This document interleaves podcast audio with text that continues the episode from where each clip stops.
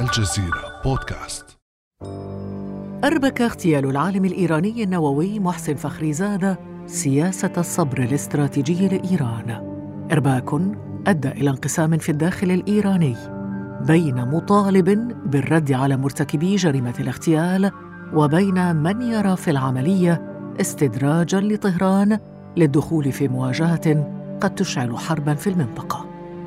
وبينما تترقب طهران بفارغ الصبر انقضاء ولاية الرئيس الأمريكي دونالد ترامب بلغت درجة الحرارة في طهران حد الغليان بعد تحليق قاذفتين أمريكيتين من طراز بي 52 على بعد 150 كيلومترا من المجال الجوي الإيراني فما الذي ينتظر إيران خلال أيام ترامب الأخيرة؟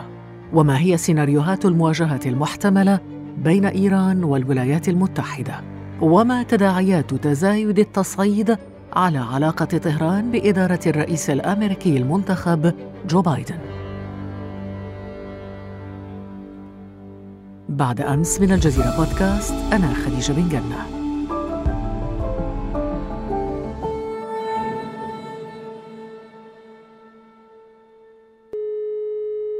أرحب بالأستاذ علي عبيدات الباحث المتخصص في الشأن الإيراني. صباح الخير أستاذ علي. يا صباح الورد أهلا وسهلا. أستاذ علي طبعا الخبراء كلهم يجمعون على أنه من الصعب التنبؤ بتصرفات ترامب. هل برأيك يمكن أن يخرج التوتر بين الطرفين عن نطاق السيطرة؟ آه، في الحقيقة قبل أن نتوقع ما الذي يمكن أن يفعله ترامب أو أن نستبعد سيناريوهات معينة أو نتوقع سيناريوهات معينة لابد لنا من معرفة أصلا الحالة الإيرانية اليوم إلى أي حد قادر أن يؤثر فيها ترامب أو قرارات ترامب أو الإدارة التي يدير فيها الأمور في نهاياته. الحالة في إيران اليوم لا تحتمل أي توترات. لا يمكننا أن نتوقع أن هناك شيء جديد أو سيكون له ذلك الصدى أو الحجم من تصرفات إيران. الحالة في إيران مختلفة تماما عن سياق أي دولة يمكن لها أن تثأر أو أن تنتقم أو أن تبدي حربا من جهتها أو أن تتخذ قرارات متهورة. الحالة في إيران بمختلف السياقات والمجالات لا تستوعب أي شيء أكثر من ضبط النفس وتلقي الضربات. الاقتصاد الإيراني منذ مطلع العام. يمر بمنعطفات يعني وضعت صورة الدولة على المحك في عيون الشعب الإيراني. نحن نتحدث عن دولة ونتوقع لمصير دولة من خلال ردات فعلها على ترامب أو احتوائه أو امتصاصه. نحن نتحدث عن عجز هائل في الموازنة تجاوز 33 مليار. نتحدث عن بلد يعاني من التهرب الضريبي وعدم ضبط النفقات والفساد وتتقاذفه تهم الفساد التيارات السياسية كلها حتى أنه وصل إلى القضاء والبنك المركزي.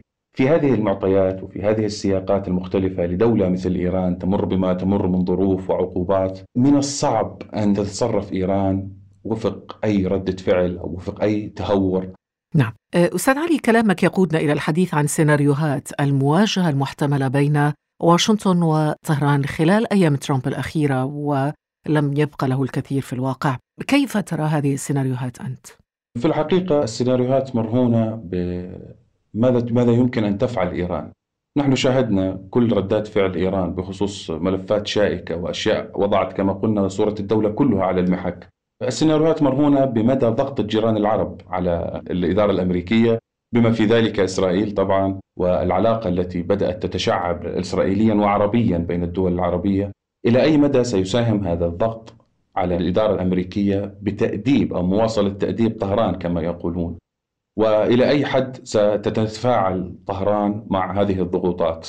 من الممكن أن يكون هناك ضربة؟ نعم، هناك الكثير من المحللين يؤكدون يتوقعون ويخمنون أن يكون هناك ضربة تحديدا بعد التلويح العسكري الذي هدد إيران كما تفضلت في المقدمة وكما يقال أن هناك راجمات صواريخ في المياه الإقليمية وغواصات وحديث عن معلومات عسكرية لابد من توقع هذا السيناريو تحديدا لأن إيران لن تسكت هذه المرة إذا دخل الموضوع عسكريا صرفا رغم ما تمر به. لكن كما نعرف جميعا هناك تيارات في إيران هي التي تملي سياستها الخارجية. هناك تيار المحافظين وهناك تيار الإصلاحيين. وفي المنتصف ماذا ستفعل إيران أمام هذا كله؟ التلويح سيبقى مستمرا دائما كما نرى وكما يشهد كل متتبع للشأن الإيراني. هناك تلويح بالانتقام والثأر لكن لا نعرف إلى أي حد أو إلى أي مدى سيكون هذا واقعيا. من المتوقع أيضا أن يكون هناك سيناريو لإعادة صياغة الاتفاق لكن بعد المماطلة. بايدن الآن يركز على الداخل الأمريكي بالتحديد وهناك خيبة من الأمل أصابت الكثير من تحديدا التيار الإصلاحي في صحفه. خيبة أمل أصابتهم بعد أن صرح بايدن للمرة الأولى بشأن إيران بعد فوزه وقال المفاوضات مع الجانب الإيراني أو المباحثات مع الجانب الإيراني ستكون معقدة. إذا نحن أمام سيناريو ربما يطول لكن سيتضمن إعادة صياغة للاتفاق النووي والذي هو رأس الهرم في الخلاف هل يعكس كلام جو بايدن استمرارية في السياسة الأمريكية تجاه إيران؟ أول ما سيفعله بايدن كما نتوقع أن يغير الصورة التي زرعها ترامب في الشرق للولايات المتحدة بالمجمل ترامب دخلها بمنظور المنتقم بمنظور الذي يدعمه جيرانه مراهنا على ماذا؟ ترامب دخل بمنطق المنتقم كما تقول لكن لماذا يراهن ترامب على مواصلة الضغوط القصوى على إيران إلى آخر لحظة؟ هو يحاول أن ينجح في المهمه التي آه، نظر نفسه لها وهي تأديب إيران، وطبعا كما نعرف هذا كله جاء بضغوطات من دول الجوار، هو يحاول أن يخرج وأن ينهي المرحلة التي قادها هو والمرحلة التي يصفها كثر بالعدائية والحادة تحديدا مع إيران، يحاول أن يخرج كما دخل، يعني كأنه يقول أنا ثابت على موقفي، هذه بلد يجب أن تتربى ويجب أن تتأدب. ألا يعقد ترامب بذلك عودة الرئيس المنتخب جو بايدن إلى الاتفاق النووي ويزرع الألغام في طريقه؟ هذا بالضبط ما جزء كبير من مهمة ترامب الأخيرة. هذا الرجل يريد أن يرسم لنفسه صورة المحارب آه، آه، الحاد الهجومي ولا ضرر من أن يترك بعض الألغام لبايدن نقيضه تماما.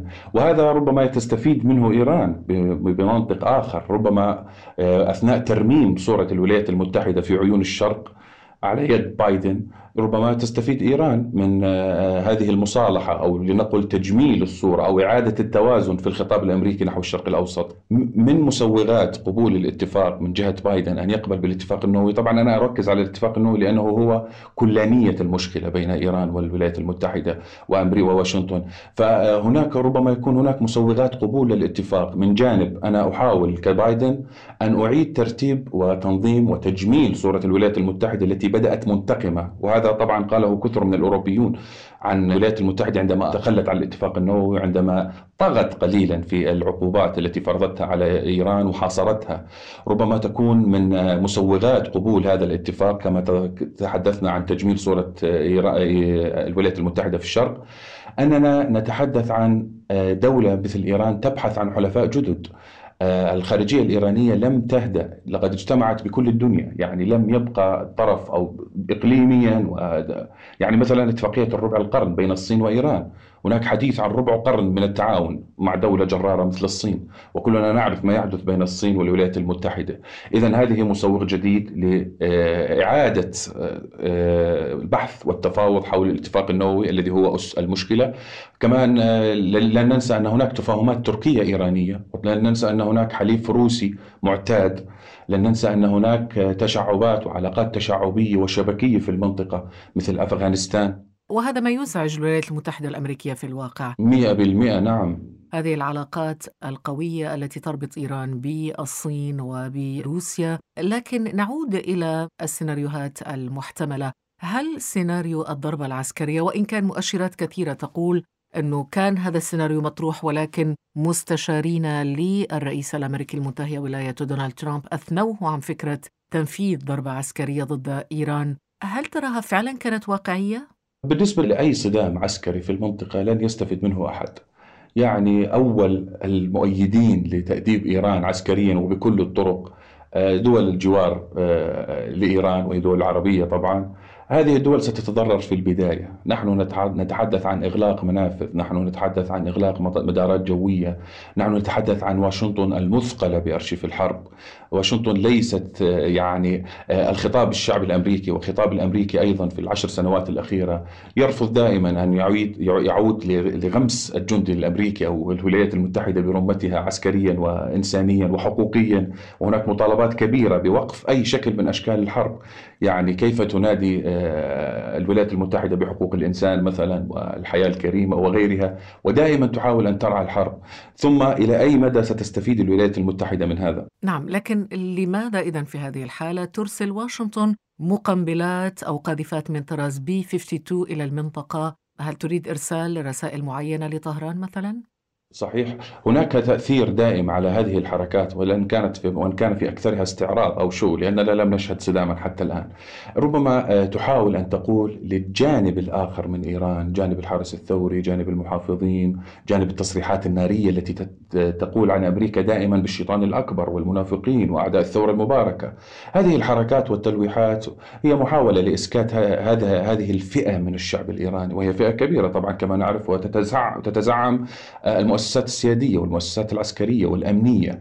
آه، كما آه، تقوم آه، يقوم هذا الجناح تحديدا جناح المحافظين في إيران وتزعمه المرشد والحرس الثوري. كما يقومون دائما بحلق بخلق حالة من التوازن. يعني تصريحات الثأر والانتقام والتأديب وكما حدث منذ اغتيال قاسم سليماني طب على ذكر تصريحات الثأر والانتقام أستاذ علي عبيدات دعنا نستمع إلى المتحدث باسم وزارة الخارجية الإيرانية سعيد خطيب. زاد لأنه واضح أنه لا خيار أمام إيران كما يبدو سوى تأجيل المواجهة واللجوء للوعيد والتعهد برد قاسم في الوقت المناسب وهذا ما يقوله المتحدث باسم وزارة الخارجية الإيرانية. لنستمع معا.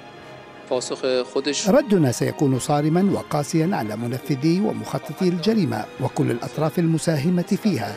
نعلم أن أصابع الاتهام في هذه الجريمة تشير إلى إسرائيل وهذا هو الأساس. طيب أستاذ علي عبيدات هل هذه التصريحات هي فقط من قبيل امتصاص غضب الإيرانيين أم أنه فعلا يمكن لإيران أن تواصل سياسة ضبط النفس؟ بالنسبة لسياسة ضبط النفس بالمطلق إيران تتعامل معها دائما بطريقة مختلفة قليلا وهذا نشهده بدون حتى وجود أي أزمات. يعني إذا كان هناك حفل موسيقي في مدينة مشهد على سبيل المثال يهاجمه المحافظون. بنفس الوقت يخرج لنا وزير من وزراء الإصلاحيين ويتحدث عن أهمية الفن في دور المجتمع الإيراني. الفكرة هي أن إيران تستخدم سياسة لست معي ولست عدوك في هذه المرحلة. هذه السياسة قائمة على أولا أريد أن أحفظ صورتي أمام المجتمع الذي يشكل الغالبية منه تميل إلى الانفتاح على الآخرين لأن الشعب الإيراني تعب ولكن هناك نسبة صوتها عال جدا هي نسبة المتشددين. فسياسة لست معي ولست عدوك تحفظ صورة الدولة في إيران أمام كل ما يحدث والدولة صامتة. فهم لا يستطيعون أن يفتحون الأحضان ويتحدثون عن مستقبل واعد مع بايدن لأن بايدن هو أمريكا وأمريكا هي بايدن وهناك صورة نمطية عند الشعب الإيراني. لكن ضبط النفس منطلق من منطلقات كثيرة أهمها كما تحدثنا عن فكرة المزلق الاقتصادي الخطير الذي تمر به البلاد وفاتورة كورونا الباهظة والكثير من المزالق الاقتصادية التي تعيشها البلاد. ستواصل إيران لست معي ولست عدوك. ضمن معادلة معقدة ولكن هذا ربما هذه الأزمات الاقتصادية المتتالية في ظل العقوبات تزيد من عمق الانقسامات الداخلية، كيف يؤثر الانقسام الداخلي الإيراني أستاذ علي على علاقة إيران بالإدارة الأمريكية الجديدة، إدارة جو بايدن؟ المشكلة أن الانقسام الداخلي في إيران وحتى الطرف الخارجي بالمعارضة الخارجية لم يعد يؤثر على الشعب الإيراني نفسه. أصبح يؤثر على صورة إيران بالنسبة للأوروبيين أو بالنسبة لأمريكا تحديدا. يعني عندما يخرج حسن روحاني ويتحدث بمفردات الدبلوماسية عن طاولة الحوار ضبط النفس القانون الدولي الأعراف يخرج المرشد بنفس اليوم ويتحدث عن الشيطان الأكبر والمنافقون وأعداء الثورة. هذا الانقسام يشكل صورة للرأي الإيراني والسياسة الإيرانية لدى الدول الأخرى. ولدى الرأي العالمي بالعموم. فلم يعد الانقسام يهدد الداخل الإيراني لأنهم قادرين على امتصاص واستيعاب أي هبات تحدث سواء كان بالقمع أم بالترغيب أم بالترهيب أم بالمواعدة أننا نعدكم أم بالوعود عفوا أننا نعدكم بمستقبل أفضل. وكما يقولون دائما إن شاء الله وشايش حاصل بشفت هذه أكثر جملة تكرر ومعناها أن لابد من انفتاح قادم. باللغة الإيرانية؟ نعم صحيح. معلش تعيدها. إن شاء الله. نتعلم منك كلمة بالإيراني. إن شاء الله قشايش حاصل بشفت قشايش فهم دائما ينادون بهذا الشعار. هناك لغة ناعمة تستخدمها الحكومة ويستخدمها الإصلاحيون دائما وحسن روحاني أولهم. وهناك لغة أخرى يستخدمها جنرال في الحرس الثوري يتجاوز رئيس الجمهورية بتصريحات نارية تتحدث عن الثأر والانتقام وشيء على نقيض تماما من ضبط النفس. إيران تحاول أن تكون بين هاتين الصورتين وهي سعيدة بهذا بالمناسبة. وتحقق الكثير من المكاسب أن يكون هناك طرف يهدد ويصرخ وطرف ينادي بالحوار. يعني عندما نرى جواد ظريف يتحدث بكل انسيابية الدنيا وينشر على صفحاته في مواقع التواصل أبيات شعرية يعني توزيع فروخ فرخزاد ولغيره من الشعراء ولحافظ والشعر العرفاني وكذا. ويتحدث دائما مستشهدا بأشياء لها علاقة بالمدى الإنساني أو السياق الإنساني في العالم. بنفس اليوم ضابط كبير يخرج ويعكس وينسف كل الأنسنة التي حاول أن يطرحها. في المناسبة الإيرانيون لا يعولون كثيرا على بايدن. وبنفس الوقت لا يشترون عداوته. لا يعولون على بايدن؟ نعم. كنت سأقول كيف ستكون طبيعة العلاقة بين إدارة جو بايدن وإيران ولكن تقول أستاذ علي أن الإيرانيين أو الإيرانيون لا يعولون كثيرا على إدارة جو بايدن مع أنه يعني اللي شافوه من إدارة ترامب يجعلهم يتعلقون بأي إدارة أخرى بعد ترامب. مئة بالمئة والدليل تصريح الرئيس حسن روحاني قبل يومين عندما قال لست سعيدا بمجيء بايدن لكنني في منتهى الابتهاج برحيل ترامب. كما يقولون يعني في الدارجة الشعبية نارك ولا جنة هلي. يعني بما معناه يعني أنا لست سعيدا برحيل هذا الرجل الذي جاءنا على صهوة رعاة البقر أو على صهوة العنف أو التعامل الحاد مع الدول والقرارات المفصلية الخطيرة. لكنني بنفس الوقت لا أريد أن أشتري عداوة بايدن الذي صرح أول ما صرح بأن العملية معي ستكون معقدة. ولكن في نفس الوقت سيد علي صرح بأنه سيعود إلى الاتفاق النووي مع إيران وهذا شيء إيجابي. نعم وهذا يضعنا أمام ست نقاط وضعها محللون اقتصاديون في إيران وساسة وكبار الساسة واتفق عليها القاسي والداني. هذه النقاط هي تلخص عربون أو عربون الصداقة أو عربون الثقة بعهد بايدن. إذا أردت أن نثق بك يا بايدن راعي هذه النقاط. وأجمع عليها تقريبا ساسة ومحللون كثر في إيران. هذه النقاط هي التي ستنبئ بمستقبل العلاقات. اولا يريدون من بايدن الموافقة على تقديم دعم مالي لإيران في حربها ضد كورونا. وبالمناسبة الحرب ضروس وشرسة جدا في إيران مع كورونا. هم يطلبون تقديم دعم مالي بخمسة مليار. ويطلبون أيضا رفع الحظر عن الحسابات المالية الإيرانية في بنوك العالم. هم من؟ الساسة والاقتصاديون ومحللون إيرانيون. وهذه المطالب تجدينها في مجلس النواب تجدينها في الشارع تجدينها ضمن الرصد اليومي الذي نتابعه وتحديدا رصد المرحلة الأخيرة. هذا هو عربون الصداقة. هناك قرارات مفصلية وخطيرة وجوانب مهمة في إيران. يعني ربما الصداقة يعني كلمة صداقة ربما لا تؤدي المعنى هنا أستاذ علي لأنه العلاقة بين إيران والولايات المتحدة الأمريكية لم تصل في يوم ما إلى الصداقة منذ الثورة الإيرانية. نعم. أبدا منذ احتجاز السفارة والعلاقة قائمة على المد والجزر. لكن هم يقولون تحديدا المنفتحون على أمريكا والمنفتحون على بايدن وأكثرهم بالمناسبة معارضين من الخارج وبنفس الوقت ينسجمون مع معارضي الداخل وموالي الداخل أيضا. هناك اتفاق على أن هذه القضايا أصلا هي التي تحدد مصير إيران في الوقت الراهن يعني هي ستة نقاط كل نقطة منهم منها عبارة عن مفتاح لمرحلة جديدة لأن الاقتصاد الإيراني ينزف. رفع الحظر على الحسابات تأجيل الديون والغرامات إعادة فتح قنوات التبادل التجاري بين إيران والعالم السماح لإيران بشراء معدات وقطع الطيران رفع الحظر عن القطاعات غير المعنية بالصراعات السياسية مثل الصحة والشركات الخاصة. بايدن عليه أن يقدم عربون صدا عربون تودد أو عربون ثقة لكي تثق إيران بهذا. طب مين اللي قدم عربون تودد أو ثقة إيران أم أمريكا؟ لأنه الطرف الأضعف هو إيران. هل يمكن إيران أن تقدم تنازلات ما؟ هل يمكن أن تتخلى عن يعني برنامجها الصاروخي تقلل من التخصيب اليورانيوم؟ يعني أي تنازل في سياق التودد كما وصفته للطرف الآخر؟ إذا قدمت إيران أي تنازل وهي ربما تكون مجبرة على تقديم هذا التنازل إذا قدمت أي تنازل سيكون ضمن المماطلة سيكون الموضوع طويلا وسيأخذ سنوات أخرى. لن يخرج حسن روحاني ويقنع مجلس النواب ويقنع مجلس صياغة الدستور لن يقنع يعني الأجنحة الإيرانية المختلفة والشعب الإيراني أيضا بأننا بعد كل هذه المفاوضات وبعد كل الصبر الذي صبرناه عدنا لنتنازل. لكن التنازل سيشمل على مراحل سيكون على مراحل لن يكون بشكل وهذا أيضا دليل على انغلاق قادم يعني لن يكون الموضوع سهلا. تحديدا أن بايدن يعني يعطي الأهمية الآن للداخل الأمريكي يعني يعني إيران أين؟ لكن ربما بسبب الضغوط التي سيتعرض لها بايدن من قبل خصوم إيران وإسرائيل تحديدا أيضا ربما يعجل في اتخاذ قرار على الأغلب لن يكون في صالح إيران لأن التهيئة التي الحاصلة اليوم من تلويحات عسكرية من تهديدات من فتور في الحديث عن إيران. بعد أن قال سابقا بايدن في بداية حملته الانتخابية أننا أخطأنا إلى حد ما أخطأنا. لا أعرف الترجمة إذا كانت دقيقة. أخطأنا أو لم نقيم جيدا ماهية هذا الاتفاق وبنوده وتفاصيله إلا أن اللهجة تغيرت تماما. ربما يتخذ قرار مفصلي لكن لن يكون ولن يصل إلى درجة المواجهة العسكرية بين الجانبين يعني. أستاذ علي عبيدات لو ختمنا بسؤال أخير لنفهم هذا التصلب في الموقف الأمريكي تجاه إيران. لو قارنا بين الملف النووي الإيراني والملف النووي لكوريا الشمالية نرى أن الولايات المتحدة الأمريكية أكثر تشددا ربما مع إيران من تعاملها مع ملف كوريا الشمالية. هل العامل الحاسم في هذه المسألة هو وجود إسرائيل؟ هذا نصف الإجابة تقريبا لكن العامل الأخطر هو الدور الإقليمي. إيران لا تنتهي حدودها حيث هي. إيران موجودة ومنتشرة وإيران تؤذي وتضر بمصالح خصومها.